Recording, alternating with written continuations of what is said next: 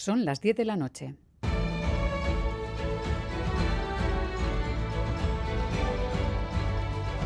Radio Euskadi y Radio Vitoria. Servicios informativos.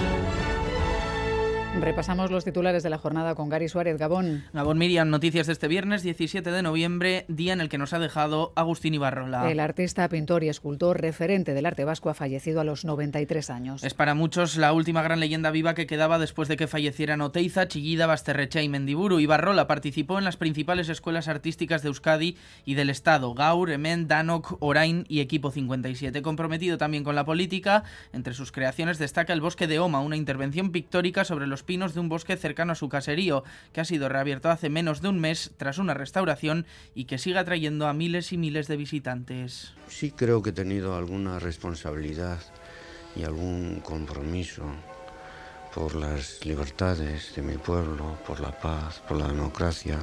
Yo me he sentido responsable como ciudadano vasco y como hombre de la cultura que tenía el deber de representar a mi pueblo.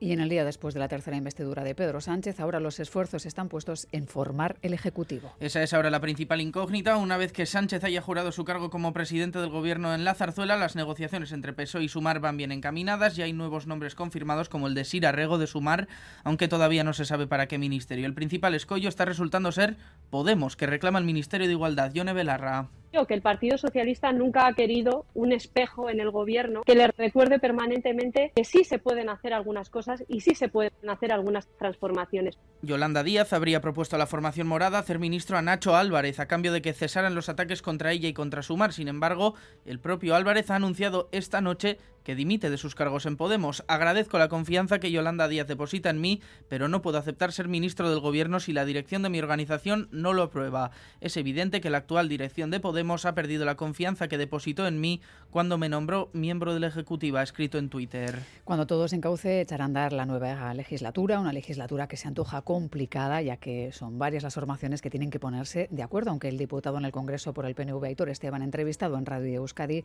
se ha mostrado optimista.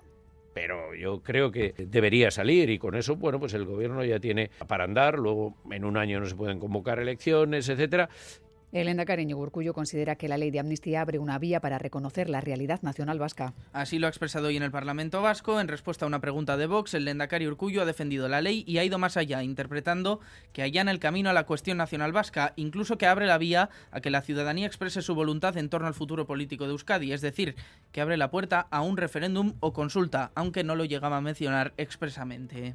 Abre una nueva vía, dado que se ha asentado en la idea de que lo que no está prohibido es posible y si es de aplicación a la amnistía, debe ser de aplicación también a una mirada más profunda. Se abre una vía para el reconocimiento efectivo de la plurinacionalidad del Estado o también la apertura de nuevos cauces de expresión a las voluntades sociales mayoritarias el Tribunal Superior de Justicia del País Vasco rechaza el acuerdo entre PSOE y Junts porque considera ataca la separación de poderes. Por cuatro votos a favor y uno en contra, la sala del Gobierno del Tribunal Supremo de Justicia del País Vasco muestra su total rechazo al acuerdo. La sala cree que, por su referencia al laufar o judicialización de la política, este acuerdo supone el final de la separación de poderes. En su declaración, el Tribunal Superior de Justicia Vasco habla de intromisión inaudita y también de ataque frontal. Eso sí, ha habido un voto en contra, como decíamos, precisamente el del presidente del tribunal, Iñaki Que cree que dentro de las atribuciones de la sala de gobierno no está la de opinar sobre un acuerdo entre dos partidos. Es todo, así terminamos. Más noticias en una hora y en todo momento en itv.eus y en la aplicación ITV Albisteac. Gracias.